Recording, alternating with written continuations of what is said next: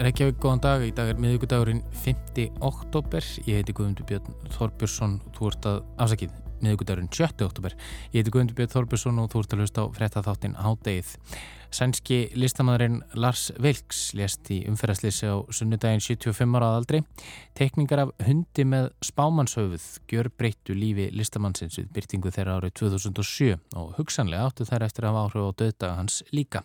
Því þrátt fyrir að lögregla telji ekkert sagnæmt eða grunnsanlegt við umferðarslýsi sjálft gæti bifriðin sjálf sem vilk ferðaðist með, sérstök, ómert og sérlega útbúin lauruglubifrið hafa átt þátt í hvernig fór.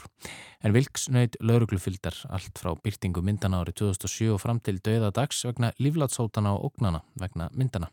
Hann var til dæmis talin megin skotmark hriðverkárasar og menningarmiðstöð og Östurbrú í Kaupmannahöfn árið 2015.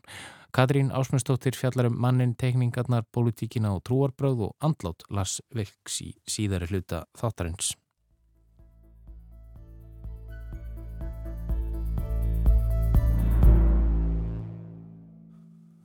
En við byrjum á nýjustu tekni og vísindum. Hún er sest hjá okkur um Kristjana Björg Bardal, tölvunafræðingur og þáttastjórnandi utja hlaðvarps Skí.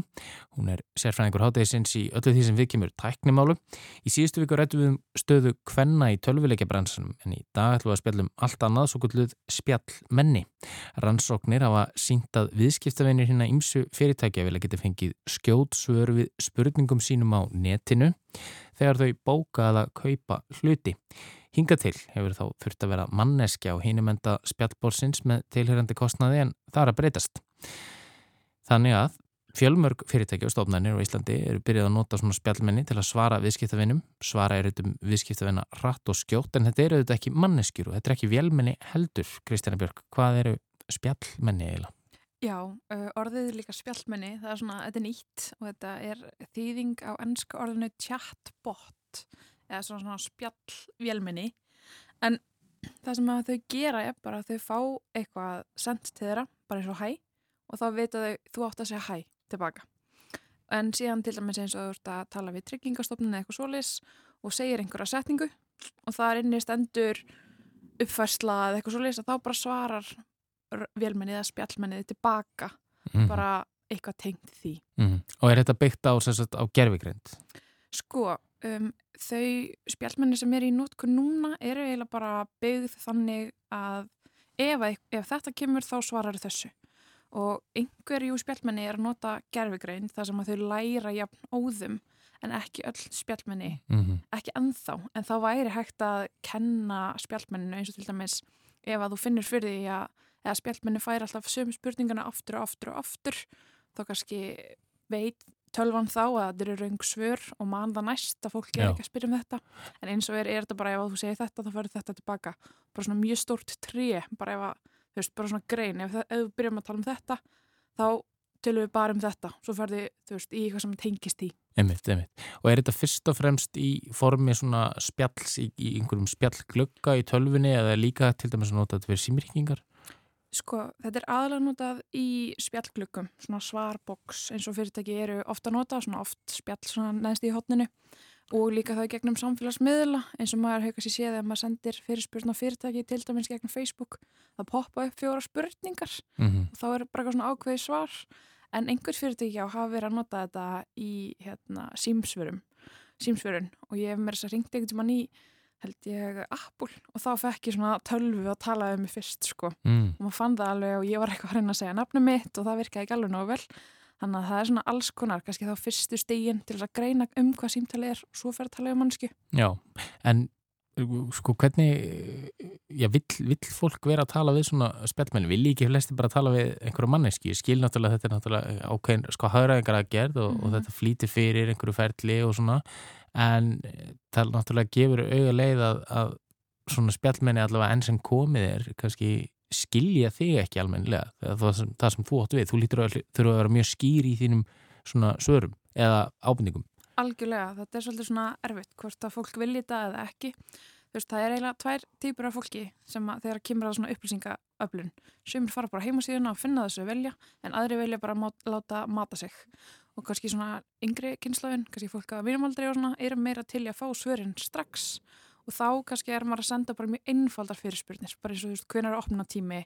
Eða þú sendir að lánasjóðin hvenar er útlutunadagur Mm -hmm. en svo kannski að þú ert farin í svona persónulegri mál eins og þú tala við bankan og vilt bara fá innustöðu eða spyrja um eitthvað þá oft viltu tala við mannesku það er ekkit endilega öll spjallmenni sem vita hver þú ert, því þú einhvern veginn ert ekki að skráði inn sem þú heldur ertu bara einhver, einhverju viðskiptuvinur. Mm -hmm. En er líklegt að þessi spjallmenni þróist með tímanum og, og þessi algoritmi sem þau byggja á hann, hann já, læri meira og meira og verði einhvern veginn þannig að sko að já, spjallmenni muni geta skilið jafnvel svona ólusustu hluti sem að já Já, það gæti alveg vel verið sko, en svo líka þú veist annað eins og í Ísöldi þú veist, það var svona stafsendingavillur og það er mjög marga leiðir til að spyrja sem spurningarinnar, mm -hmm. það getur svolítið fló flóki, en jú, þetta er stöðugt í þróun og þau eru oft líka að læra þú veist, kannski inn á kaltæðinni um, sumir segja brandara og þetta er svona Sem spjallmenni þá, segja já, brandara segja brandara sko, já, þannig að já. það er svona alls konar hægt að gera,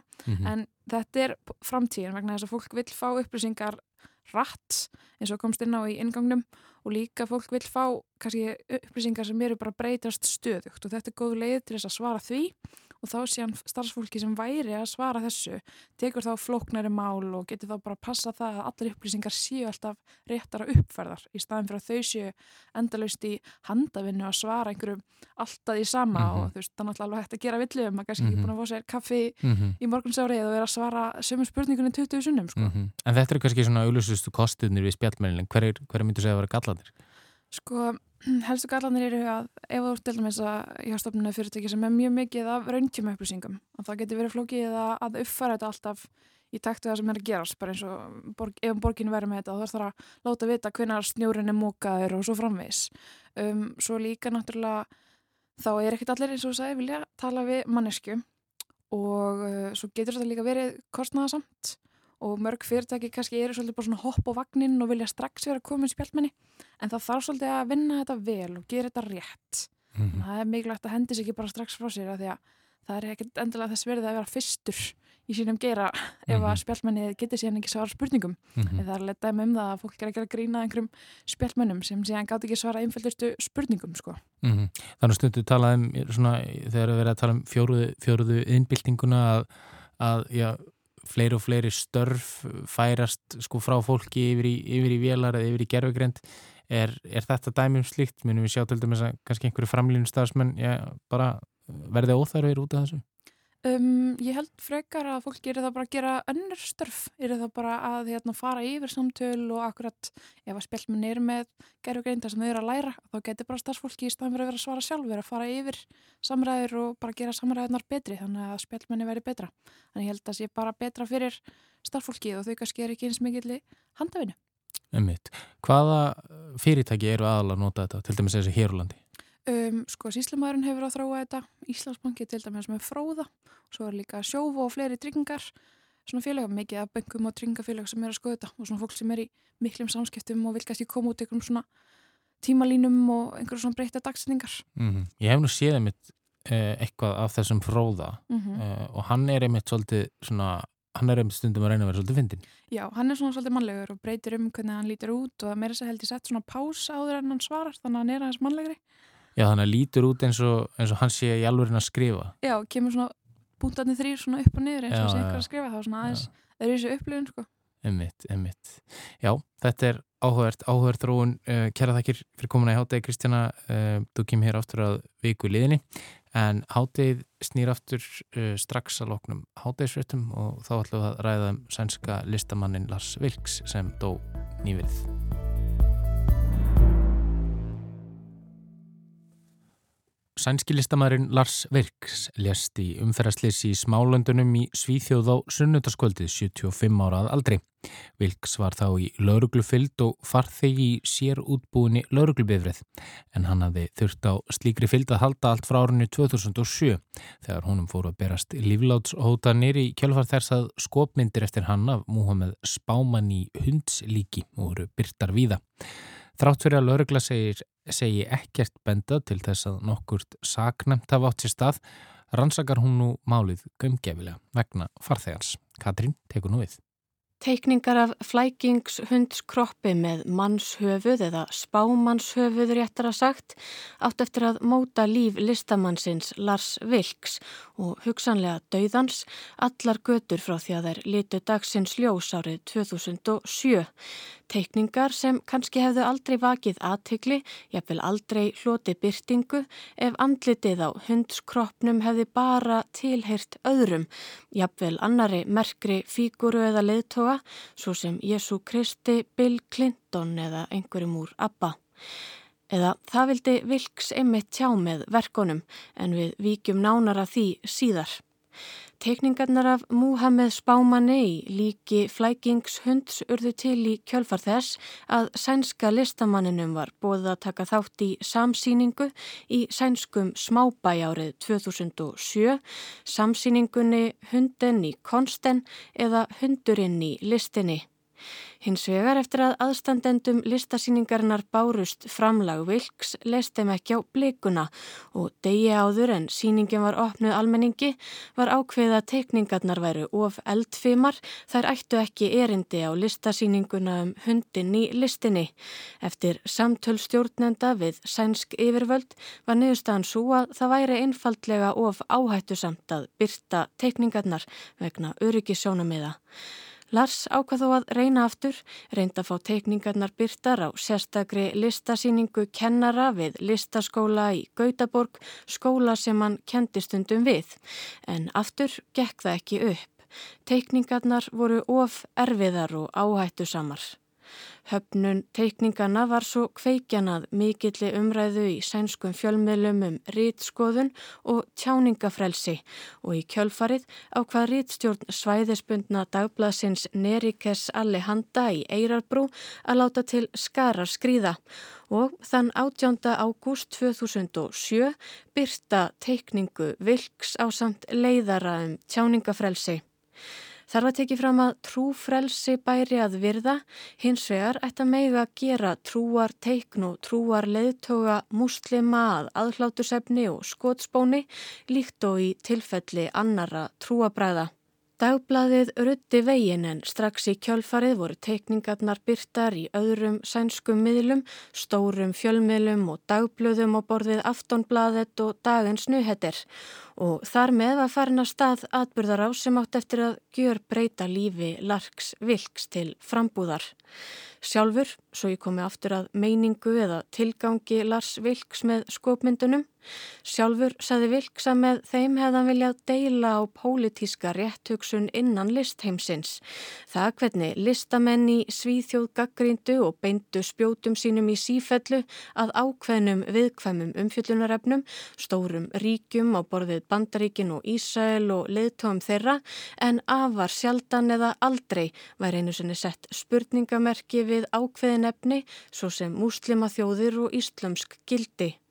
Með teikningunum vild hann varpa ljósi á þetta misræmi ef þannig er hægt að taka til orða og hann sagði ádeluna raunar ekkert hafa með múslima eða íslam að gera en það hefði hann ekkert á móti trúarbröðunum eða fólkinu heldur væri það prinsip mála meg að óvirða, móðga öll trúarbröð og alla leðtoga og ríki jamt innan listheimsins.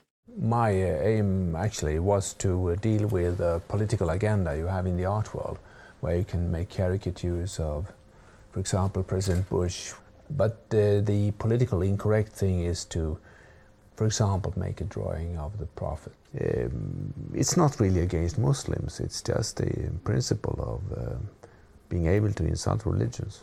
En innan listheimsins, sem væri raunar góður vettvangur fyrir andof og tilraunir, ætti alltaf vera leifilegt, ekki síst það að brjóta alla reglur því emitt í því fælist listfrelsið. Well, Fremont, that is uh, the right to break the rules and I mean uh, really not, not just as a metaphor but actually breaking the rules. Um, það væri raunar ekki pólitíkin í sjálfu sér sem skipti máli, sagðan, en það kerðan sér svo sem lítið um pólitík almennt. Heldur væri pólitíkin aðeins gott tæki fyrir listamannin, tæki sem örvar áhorfendur, vekur upp samtal, vekur viðbröð. En án viðbröða væri listin ekkert, ekki til raunar. If you don't get any reactions, the artwork doesn't really exist. There's always a dialogue between the spectators. I'm not myself very interested in politics, but I, I know it's a good material.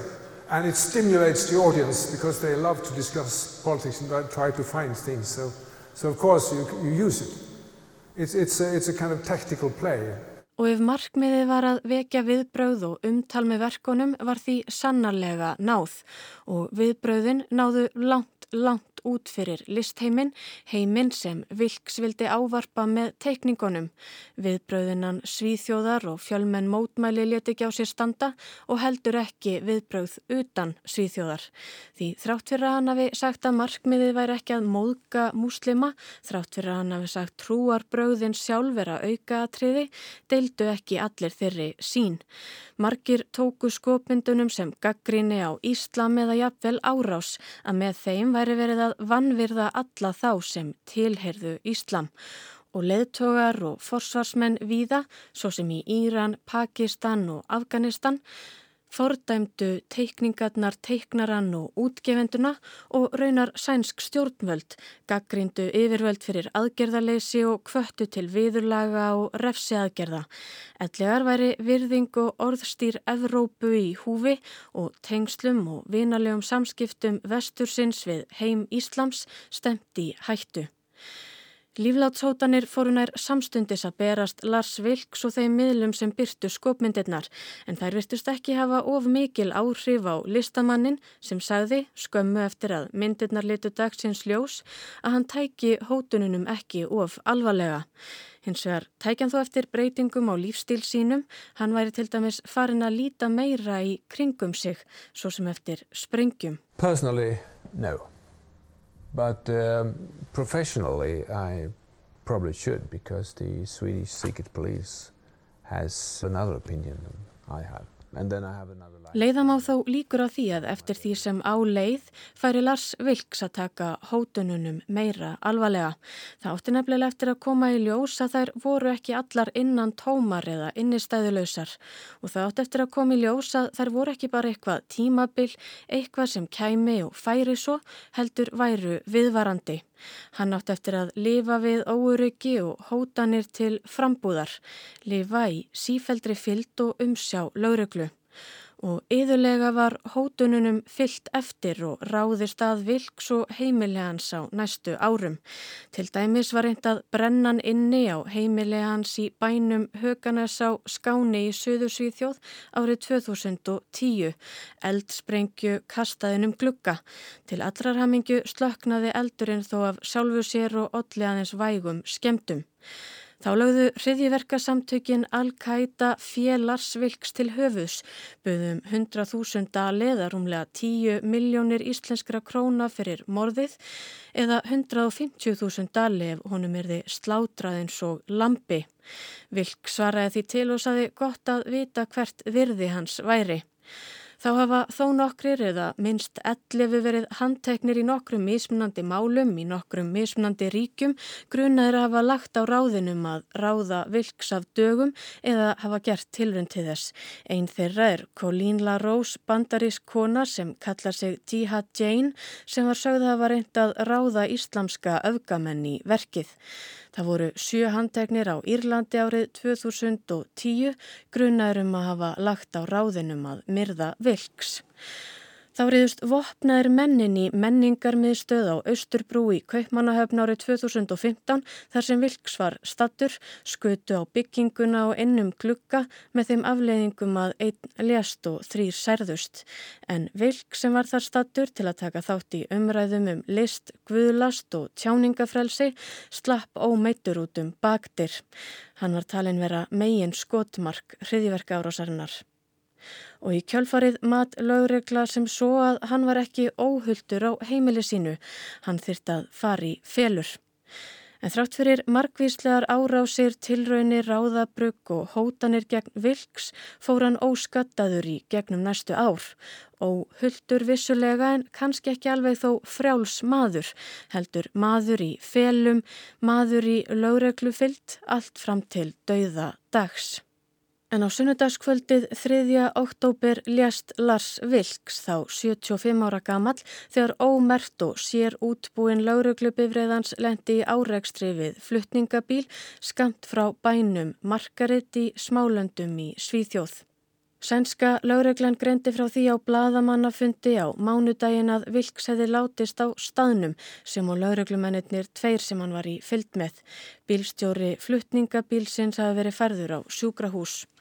Lauregla sagði þá að að lægi fyrir að bílnum sem Vilks var farþegi í hafi verið ekið yfir á rangan vegarhelming og þannig hafi áreiksturinn við fluttningabílin orðið en sé þó óvíst hvers vegna lauruglubifriðin endaði á raungum vegarhelming. Einn kenning sé að sprungið hafi á bílnum og aukumadurinn því mist stjórnáunum. Igår eftermiddag 15.25 inträffade det som vi aldrig hoppas ska inträffa. Lars Vilks och två av våra medarbetare och kollegor förolyckades i samband med en trafikolycka i Þá segir láreglan ekkert benda til þess að nokkuð sagnæmt hafi átt sér stað eða að ódæðismenn hafi verið að verki. Hins vegar sé full þörf á að rannsaka máli til hlítar í ljósi þess hver vilks var. Að svo stöttu bendir því ekkert til þess að þessar áhrifamiklu teikningar af Múhameð Spámanni frá 2007 sem gjör breyttu lífi Lars Vilks hafi haft neitt með döðdagans að gera en þó kannski óbeint. Því, samkvæmt sænsku lauruglunni, gæti bílinn sjálfur sem vilksturt að ferðast með, sér útbúin lauruglubifreið, gerð hennar og þyngd hafa átt þátti því hvernig fór. En leivagsbíl, den väger 4,5 tonn og er ekstremt uh, såklart tung í sitt framförande. Har, uh, en þessi sér útbúni bíl var sérlega þungur eða um fjögur og hálft tonn. Það geti þýtt að það sé einstaklega erfitt að keira og stjórna bílnum sér í lagi ef ekið er á miklum hraða en ímislegt bendi til þess. Lífverður Vilk segir það ekki óvanalegt að ekki sé hratt á slíkri bifreið. Bílstjóratnir, þar að segja lauruglumennir á bakvið stýrið, séu þó ávalt afar hæfir og með tillíðlega þjálfuna baki. Því segist hann telja afar ólíklegt að bílstjóranum hafi orðið á alvarleg mistök. Líklega sé að óhappa tilviljun hafi orðið. Við býðum svo sjáum hvað lauregla segir og hvað kemur út úr rannsókninni. En þetta er eitt af þessum málum sem hægt er að líta á frá fjöl mörgum sjónarhóttnum. Sumir hugsa kannski allt þetta út af einni teikningu nokkrum blíjant strykum á blaði. Öðrum fyrst kannski viðbröðin við teikningum vilks þar að segja þau viðbröð sem eru innan rammalagana, ekki morðhótanir eða tilraunir eða neitt slíkt, réttlætanleg og skiljanleg ef þannig er litið á máliða með skopmyndunum sé ráðist gegn trúfrelsinu og trúarbráð heils samfélags van virts. Ennaðrir telja viðbröðin kannski til marg sem um það að vegið sé að tjáningafrelsinu.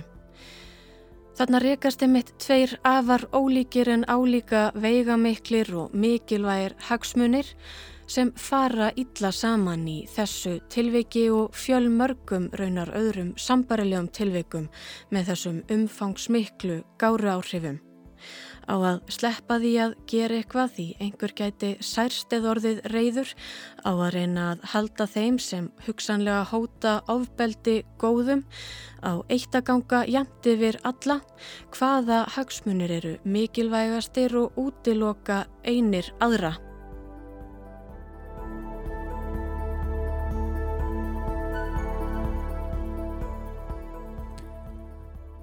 Hátegið verður ekki lengra í dag, við verðum hér aftur á sama tíma á morgun.